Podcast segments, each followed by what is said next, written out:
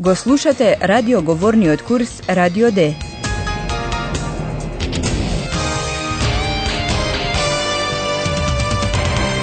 Заеднички проект на Гете институтот и Радио Дојче Веле. Авторка е Херат Мезе.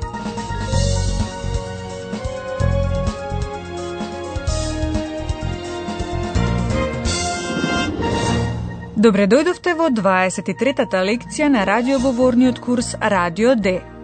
Нашите двајца уредници, Паула и Филип, се уште се во пристаништето во Хамбург, каде Ајкула наводно ги тероризира луѓето. Двајцата да таму видоа даска за сурфање, што изгледа како да е изедена од Ајкула. Човекот што сурфал исчезнал. Паула и Филип го бараат. Недалеко од масата луѓе во пристаништето, тие открие училиште за сурфање и нуркање – Таму се надева дека ќе добијат информации за исчезнатиот сурфер. Hallo, liebe Hörerinnen und Hörer. Willkommen bei Radio D.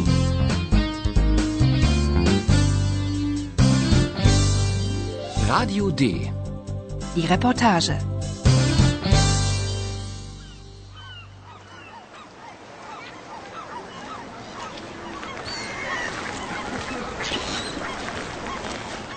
Слушнете ја првата сцена. Како реагира човекот од училиштето за сурфање и зошто?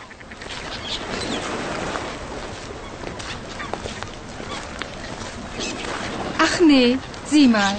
Was steht denn da? Surfen und Tauchen. Vielleicht finden wir hier den Surfer.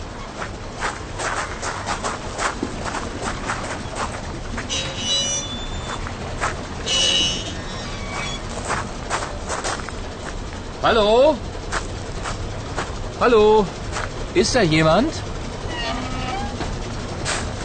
Guten Tag. Wir suchen einen Surfer. Sehr originell. Wir verleihen Surfbretter, keine Surfer. Surfen müssen Sie schon selbst. Wir haben ein Surfbrett gesehen. Das hat ein Hai kaputt gebissen. Was haben Sie gesagt? Ein Hai? Hier in Hamburg? So ein Blödsinn. Das haben Sie wohl in der Hamburger Zeitung gelesen, oder? Ich muss arbeiten. Tschüss. Човекот од училиштето за сурфање реагира многу нерасположено. Или крие нешто и сака што побргу да се ослободи од двајцата уредници, или пак забележа дека Пауло и Филип не се муштери што сакаат нешто да изнајмат. Имено, Паула веднаш по поздравувањето кажа дека таа и Филип бараат еден сурфер. Guten Tag. Wir suchen einen Surfer. Човекот со подсмев укажува на тоа дека на ова место се изнемуваат даски за сурфање, а не сурфери. Wir verleihen Surfbretter, keine Surfer. Човекот намерно не ја разбра Паула.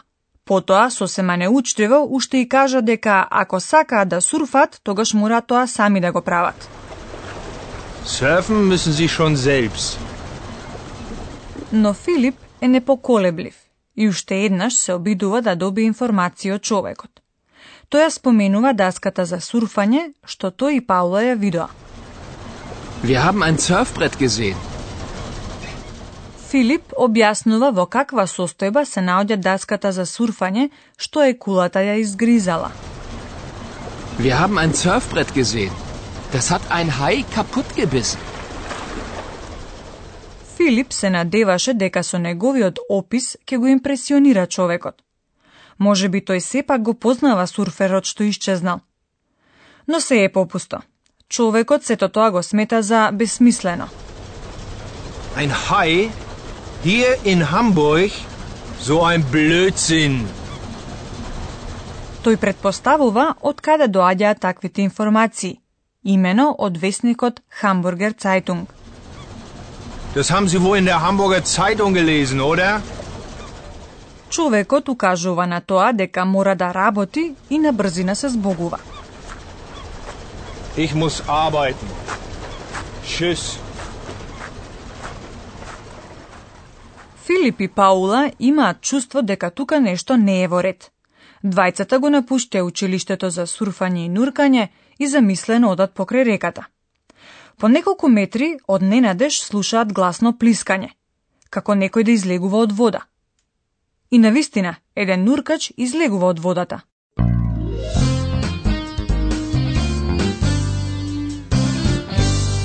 Radio D.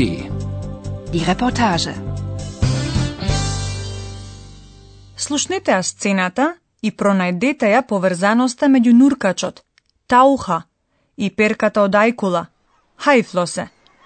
Тогаш ќе стигнете поблиску до решението на загадката за ајкулата во Хамбург.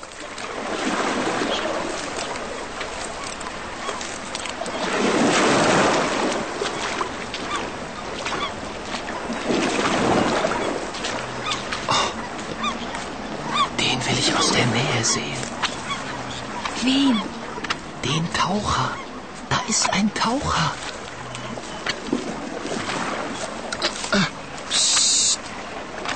Leise.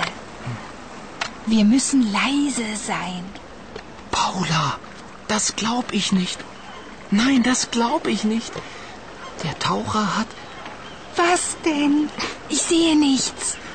Der Taucher hat eine Hai. Eine Haiflosse. Wie bitte? Ich verstehe nichts. Eine Haiflosse? Ja, der hat eine Haiflosse.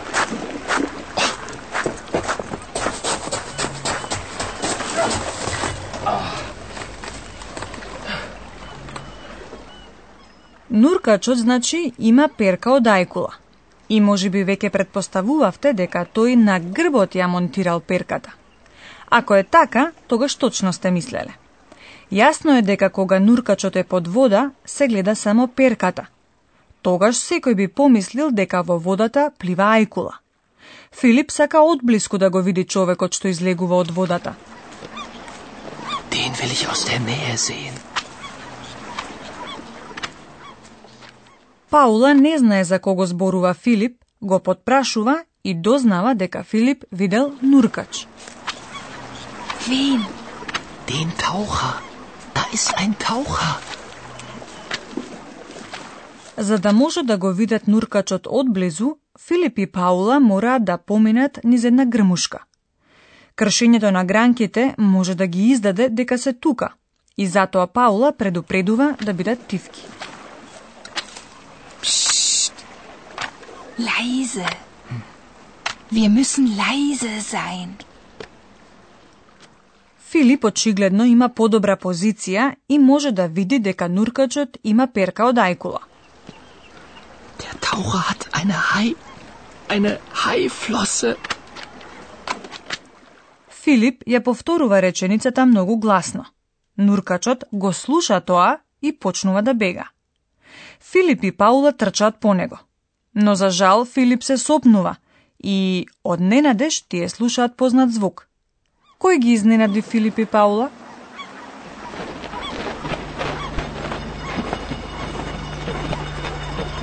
Hallo Eulalia, wie bist du denn hierher gekommen?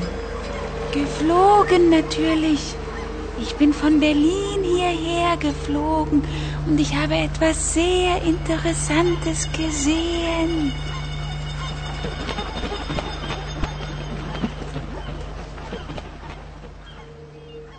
Ојлалија, утката што зборува, сега од ненадеж се појави. Паула сака да знае како таа од Берлин стигнала кај нив. Hallo Eulalia, wie bist du denn hierher gekommen? Ојлалија одговара, како да е тоа најразбирливото нешто на светот, дека летала. Geflogen natürlich. Ich bin von Berlin hierher geflogen. Таа видела нешто интересно. Und ich habe etwas sehr Interessantes gesehen. Ојлалија видела нешто. Таа се уште не ни кажува што, но барем знаеме дека станува збор за нешто што се случило поодамна. Да, и за тоа сакам да зборуваме денеска. Und nun kommt wieder Unser Professor. Radio D. Gespräch über Sprache. Станува збор за можност како може во германскиот да се зборува за минатото, имено во перфект. Приказната почнува со даската за сурфање, што ја видоа Филип и Паула. Слушнете го тоа уште еднаш и обидете се да ги слушнете двата глагола во реченицата. Wir haben ein Surfbrett gesehen. Јас ги слушнав глаголот има, haben и глаголот гледа, sehen. Точно, прво го слушнавте помошниот глагол haben. Haben помага при градењето перфект. Вториот глагол, глаголот sehen, го слушнавте во форма на партицип 2, што во германскиот е потребен за градење перфект. Внимавајте ве молам на префиксот G. Sehen. Gesehen. Wir haben ein Surfbrett gesehen. Перфектот во германскиот јазик се прави со помошниот глагол haben и партицип 2 од вториот глагол. Да, но мора да се направи една разлика. Партиципот 2 кај повеќето глаголи има префикс G и суфикс што се додава на основата на глаголот. Кај неправилните глаголи, тоа е суфиксот n, исто како и во инфинитив. Слушнете два примера со глаголите гледа и чита. Wir haben ein Surfbrett gesehen. Das haben Sie wohl in der Hamburger Zeitung gelesen, oder?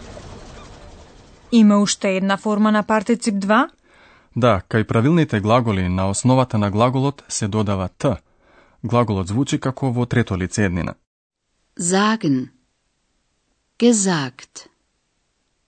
Was haben Sie gesagt? Глаголот haben се конјугира, а партиципот 2 останува секогаш непроменет и стои на крајот во реченицата. Und ich habe etwas sehr Interessantes gesehen. но што е со Ојлалија? Знаеме дека таа летала и дошла од Берлин во Хамбург. Некои глаголи во германскиот јазик, особено глаголите за движење, градат перфект со помошниот глагол sein, е, како на пример kommen, доаѓа. Kommen.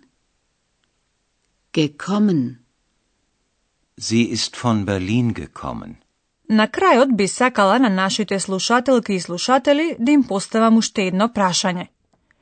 Како гласи инфинитивот од следниот партицип 2? Geflogen natürlich. Ich bin von Berlin hierher geflogen. Инфинитивот гласи fliegen, лета. Јас за жал не можам да летам.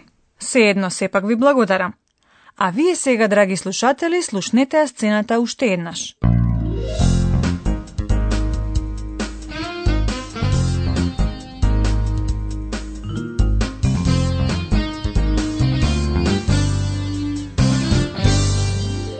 Слушнете како Пауло и Филип откриваат еден нуркач.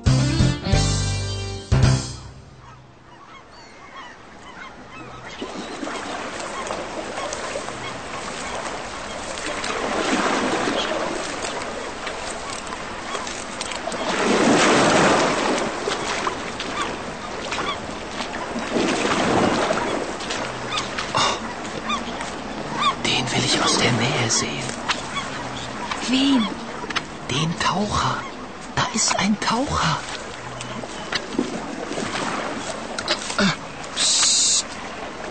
Leise. Wir müssen leise sein. Paula, das glaub ich nicht. Nein, das glaub ich nicht. Der Taucher hat. Was denn? Ich sehe nichts. Der Taucher hat eine Hai. eine Haiflosse. Wie bitte? Ich verstehe nichts. Eine Haiflosse? Ja, der hat eine Haiflosse.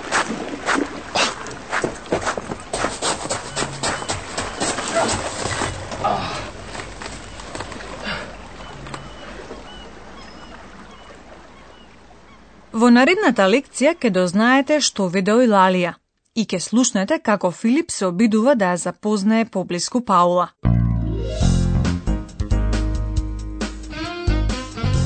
Bis zum nächsten Mal, liebe Hörerinnen und Hörer.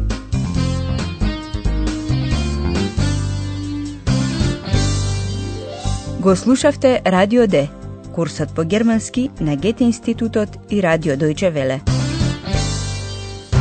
Und tschüss.